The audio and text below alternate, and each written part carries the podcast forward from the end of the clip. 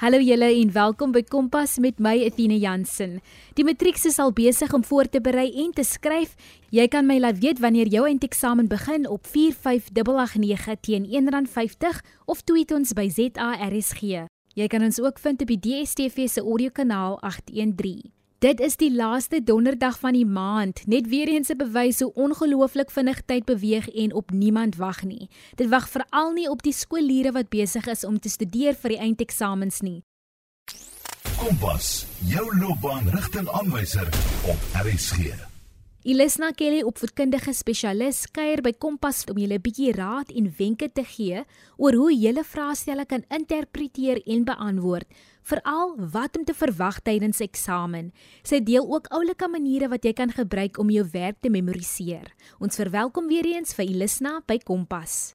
Ek sal onthou dat ek die ouers en leerders gerus gestel het dat wanneer ons 'n vraestel opstel, dit absoluut aan die hand van die leeruitkomste moet wees en dan soortgelyk moet lyk. Met ander woorde, leeruitkomste word dan herskryf deur 'n vraag vooraan dit te plaas en ons noem dit dan 'n assesseringskriteria.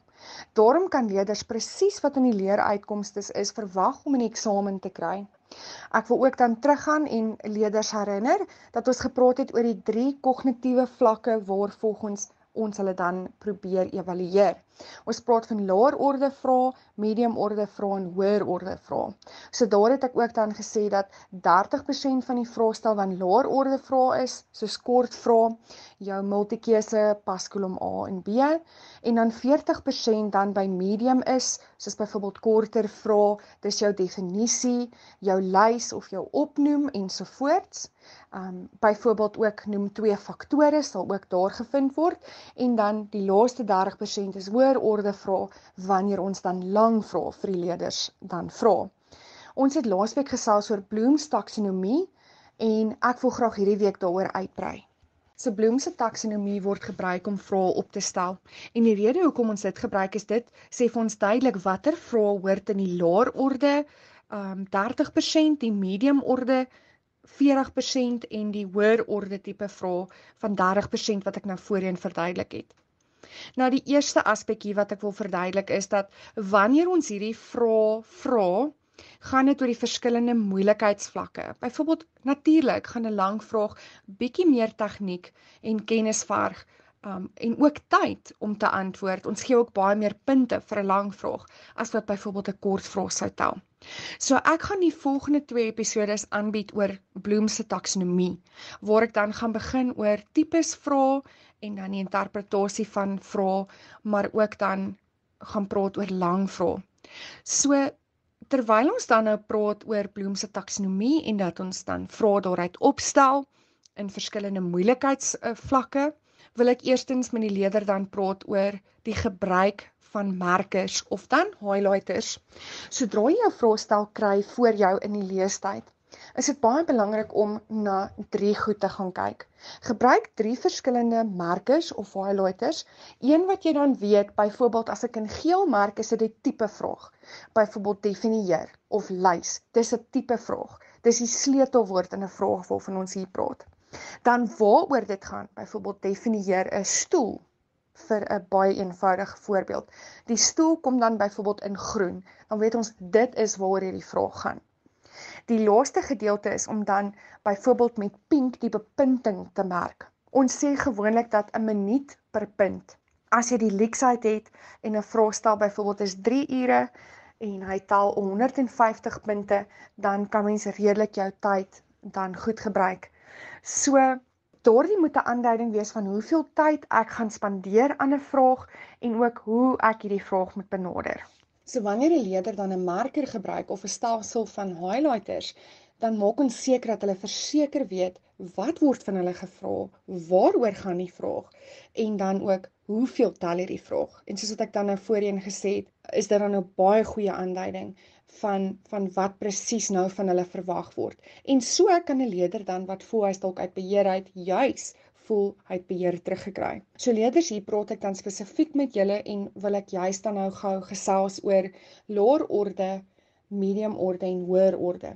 So wanneer jy dan nou sit met daardie hoofstuk met sy verskillende leeruitkomste en jy dan basies een term of een onderwerp het wat jy onder die knie moet kry, kan jy dan vir jouself vra: Kan ek kennis hieroor weergee? Met ander woorde, kan ek iets lys? Kan ek dit definieer? Kan ek benoem van dit? En dan het ek begrip hieroor. Met ander woorde, kan ek dit dan verduidelik? Kan ek dit interpreteer en kan ek dit bespreek? Kan ek verskille tussen dit uitwys? Kan ek 'n voorstel maak of met ander woorde soos die weer voorspel dat iets gaan gebeur uit hierdie betrokke feit uit? En dit dan byvoorbeeld beteken ek het al begrip. So baie keer is daar die eerste laer en hoër orde tot en met hierdie vlak en dit gaan 'n bietjie oor tot in toepassing. In toepassing moet jy byvoorbeeld iets oplos. Jy moet vir ons iets kan aantoon. Jy moet iets kan gebruik om dan daardie aspek op te los. Jy moet kan illustreer of met ander woorde teken. Jy moet iets kan voltooi of jy moet dan ook uh iets kan klassifiseer. Ilisna Kelly, opvoedkundige spesialis, deel hoe leerders vraestelle kan interpreteer. En ons gaan nou nog baie in detail gaan. Byvoorbeeld die laaste sleutelwoord van die vraag wat ek nou net gebruik het wanneer ons wil kyk of 'n leerder iets kan toepas, het ek gesê noem ons 'n klassifisering. Byvoorbeeld, kan ek sekere goed bymekaar plaas en dit wat nie pas nie uithou of byvoorbeeld kan ek 'n verband tussen goed trek. Nou, sodra ek tot en met hierdie vlak kan antwoord, weet ek uit daai onderwerp uit kan ek darm nou al lae en medium orde vrae beantwoord. So vir hierdie week gaan ek net eers hier stop uh en nie nou verder gaan met die langer vrae nie, maar ons gaan definitief tot hier praat met medium vrae. Jou medium vrae het in elk geval uh byvoorbeeld voordele en nadele in wat moet bespreek word uh en soos ek sê om iets te voltooi. Um so ek wil net 'n bietjie hier oor gesels. Dis byvoorbeeld jou vrae wat gewoonlik tussen 2 en 6 punte sou tel. So dis ook 'n lang vraag, maar nie 'n langer vraag soos wat ons daarvan praat of 'n opstel tipe vraag nie. En daaroor gaan ek redelik baie met u kan bespreek. Nou wil ek graag saamvat. Laasweek het ek genoem dat leerders van 'n breinkaart kan trek. Kom en sê byvoorbeeld hierdie hoofstuk se naam was die stoel. En ek meen ek is nou net besig om 'n baie groot vereenvoudiging te doen. Ek maak dit baie maklik. Maar as ek dan die stoel in die middel sit en met my pile dit verdeel en ek kan sê ek kan die stoel definieer, ek kan lys, ek kan benoem, ek kan faktore uitwys, dan is ek al besig om byvoorbeeld my kort en my korter vrae wat ek nou vir julle genoem het wat ons in die onderwys noem as laer en medium orde vrae, kan ek dan begine antwoord. Wanneer ek verbande tussen goed kan trek, ek kan verskille uitwys, ek kan dan tipes noem, is ek klaar besig om dan in daardie gebied in te beweeg of daai moeilikheidsgraad van hierdie aspek te kan antwoord in 'n vraestel. Wanneer ek dit kan doen, dan kan ek hierdie inligting gaan saamvat wat ek geleer het om 'n opstel vraag te antwoord. Daarom leerders, is dit baie belangrik dat jy 'n stelselmatige manier volg. Ons het altyd hierdie siening dat moenie harder werk nie, maar werk slimmer. En daarom is dit baie belangrik dat jy hierdie wetenskaplike manier of hierdie sistematiese manier as ek dit so kan stel, eerder sal volg. Ek wil ook vir leerders 'n ander wenk gee. So wanneer jy besig is om 'n vraag te antwoord, is dit altyd 'n goeie idee om 'n voorbeeld by te sit. Mag dalk wees dat jou begrip of jou sinskonstruksie halfpad gestop het. Jy het halfpad vergeet wat jy wou sê of jy kon net 'n gedeelte van die definisie onthou, maar nou het jy byvoorbeeld 'n baie goeie voorbeeld by en nie teenstrydig kan ons sien dat jy weet wat jy hier wil antwoord. En ons kan dalk probeer wanneer ons vir jou punt probeer kry om dan daai punt vir jou te tel. So dis altyd 'n goeie idee om voorbeelde by te sit of te kan toepas. Elisna en ek is baie lief vir lag. Daar's vir een of ander rede altyd iets snaaks wat gebeur wanneer ons gesels en dan voel ons sommer weer verlig na die dag se besig wees en die algemene druk wat ons almal maar voel. Lag is tog goeie medisyne en jy is welkom om te deel wat jou lekker laat lag. Dan deel ons dit hier by Kompas. Jy kan my e-pos op athena.jansen6@gmail.com. athena.jansen6@gmail.com of SMS ons op 45889 teen R1.50. Elisna verduidelik verder hoe jy 'n vraestel kan interpreteer en hoe om jouself ook te motiveer. Jy luister na Kompas op RSG. Nou een van my grootste rolmodelle luister vanaand na hierdie program en dit is my ouma by wie ek groot geword het, Betty Pretorius. En sy het altyd gesê wanneer ek goed gedoen het in 'n vraestel en van my mater se ouers sê, "Sjoe, maar ek is slim of ek is intelligent," het sy altyd vir hulle gesê, en en mense sal nou nog ons dink dit is beledigend, maar dit is regtig nie. Ek dink altyd dis goed om jouself nie ernstig op te neem nie en te besef wat is jou limite of beperkings en waarin is jy goed. Nou wat sy altyd vir hulle gesê het is dis nie noodwendig dat ek so slim is nie, maar eintlik dat sy my beleef nog altyd as 'n gemiddelde leerder, maar dat ek baie slim werk met hoe ek sekere aspekte hanteer. En so was ek ook by mense en veral baie baie goeie onderwysers wat my in die lewe gehelp het, soos my juffrou Roo in biologie wat vir ons dan gesê het hoe om hierdie vraestelle te antwoord en hoe bepunting werk. Later het ek nou self in die onderwys ingetree en daarom met nagraadse studies en so voorts wanneer mens wel vakke het, kon ek dan lekkerder 'n vraestel beantwoord. Maar het ek al baie gewens ek het van hierdie kennis geweet toe ek 'n matriek was. Nou matrieks Ek gaan vir jou sê wat het my ouma Betty vir my gesê. My kind, jy kan. Hoeveel ander het voor jou hierdie gedoen? Hoeveel ander het voor jou matrikulant 'n matriek geskryf en dit gemaak? Daarom kan jy ook. Maak nie saak watter situasie jy het of watter omstandighede jy het nie, jy kan en ons staan bankvas agter jou as die SAIK. Ek wil gou ook teruggaan na die beantwoording van kort vrae soos byvoorbeeld paskolom aanb.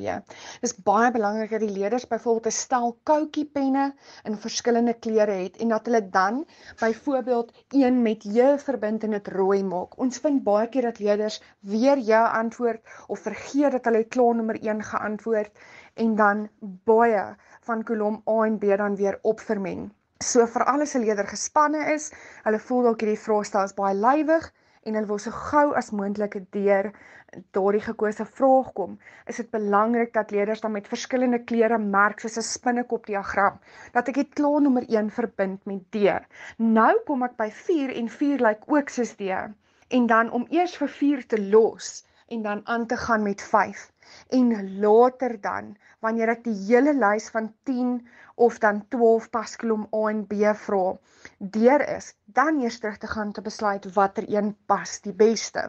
Dan wil ek ook as 'n laaste opmerking oor kort vrae vir hierdie episode, wil ek gesels oor die beantwoording van multikeuse vrae. Mense eintlik dink dat hierdie nou nog die gebied is waar leerders eintlik dan redelik bepunting, soos hulle sal sê, skoor of dan bykry of makliker antwoord. Maar dit is allerminst die geval. So ek wil graag gesels oor multikeuse vrae. Ek wil leerders uitdaag om dan hierdie tipe van proses te volg. Wanneer jy 'n multikeuse vraag antwoord, lees eers al jou multikeuse vrae een keer deur. Daarna, wanneer jy dan nou spesifiek na vraag 1 of vraag 2 of vraag 3 kyk, besluit eers watter van daardie keuses wat vir jou gegee word, A, B, C, D, definitief nie die antwoord is nie. Mark hulle of skrap hulle dan dood maar nie op so 'n manier dat jy dit nie weer kan sien as jy graag sou wou teruggaan of twyfel of dit wel nie gepas het nie. So hier volgens dan 'n proses van eliminering of eliminasie. Dan wanneer jy al daardie vrae van die multikeuse 1 2 3 4 5 6 tot by 10 dan deurgewerk het en al die opsies wat nie gepas het nie gemerk het nie, dan begin jy vir 'n derde keer jou multikeuse deurlees en jy besluit watter opsie die beste sal wees. Jy gaan dan gaan en dan eers op jou vraestel skryf 1C 1B. Wanneer 'n leerder twyfel, moet hulle altyd eerder met die eerste opsie gaan wat hulle dan aangedui het as die antwoord. Ek is Athena Jansen en jy's ingeskakel op RSG. Elisna Kelly deel wenke vir die eindeksamen. Op die laaste noot wil ek ook dan sê leerders skryf solank uit jou nommer 1 tot 10 op jou antwoordblad en dan basies gaan skryf by 2 en as jy seker jy klaar 2 se antwoord en gaan skryf by 4 in solank 4 se antwoord. Jy hoef byvoorbeeld nie dit van 1 2 3 4 5 kronologies te antwoord nie. En sodra jy dan begine besef dat jy kry goed reg, glimlag asseblief vir jouself en sê vir jouself ek het hierdie ek is op pad. Ek is besig om hierdie reg te kry. Onthou ook dokter Janine het vir ons gesê van die 487 metode. En ek dink is baie belangrik dat ons dit onthou. So meer in die middel van ons episode hierdie week net gou te sê dat nou leerders, jy besig om die werk te leer, Jy het sekere vrae aan die einde van jou handboek, soos wat ek reeds aangedui het in die vorige episode, en jy het ook al die voorbeeldvraestelle se antwoorde en vrae som deurgegaan en jy kan dit antwoord. Maar verder het jy nog gegaan en hierdie leeruitkomste of hierdie onderwerp gaan verdeel en gekyk wat kan jy eintlik alles hieroor antwoord. En so het jy nou al gesien jy kan nou al tussen 'n laer en 'n medium orde vrae antwoord. So terwyl jy nou leer, is jy eintlik besig om vir jouself te sê ek het eintlik vir myself 'n voorskou gegee van die vraestel en wat ek môre gaan kry. En dit skep ook al vir die déjà vu gevoel wanneer 'n leerder 'n vraestel oopmaak.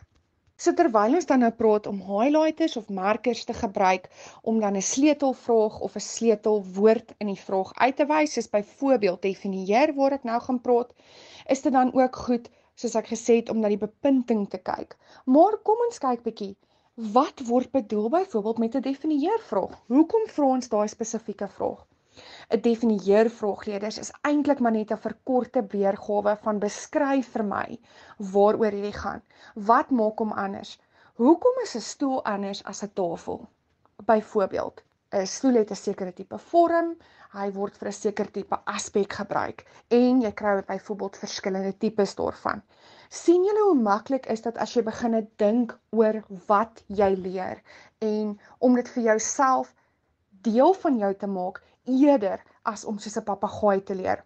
So wanneer ek 'n definieer vraag kry, is dit eintlik net 'n verkorte weergawe van beskryf.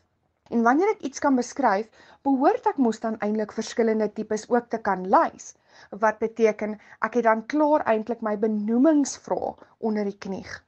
Sien jy dat hierdie haalbaar is en dat elke persoon op hierdie manier redelik goed kan doen. En sodra jy deel word van die leerproses, is dit baie makliker om te fokus en voel jy ook gelukkig want jy weet jy doen dit nie vir jou ouer nie en jy doen dit nie vir iemand anders nie, maar jy doen dit vir jouself. Dis jy wat op die einde van die dag daardie salaris gaan trek.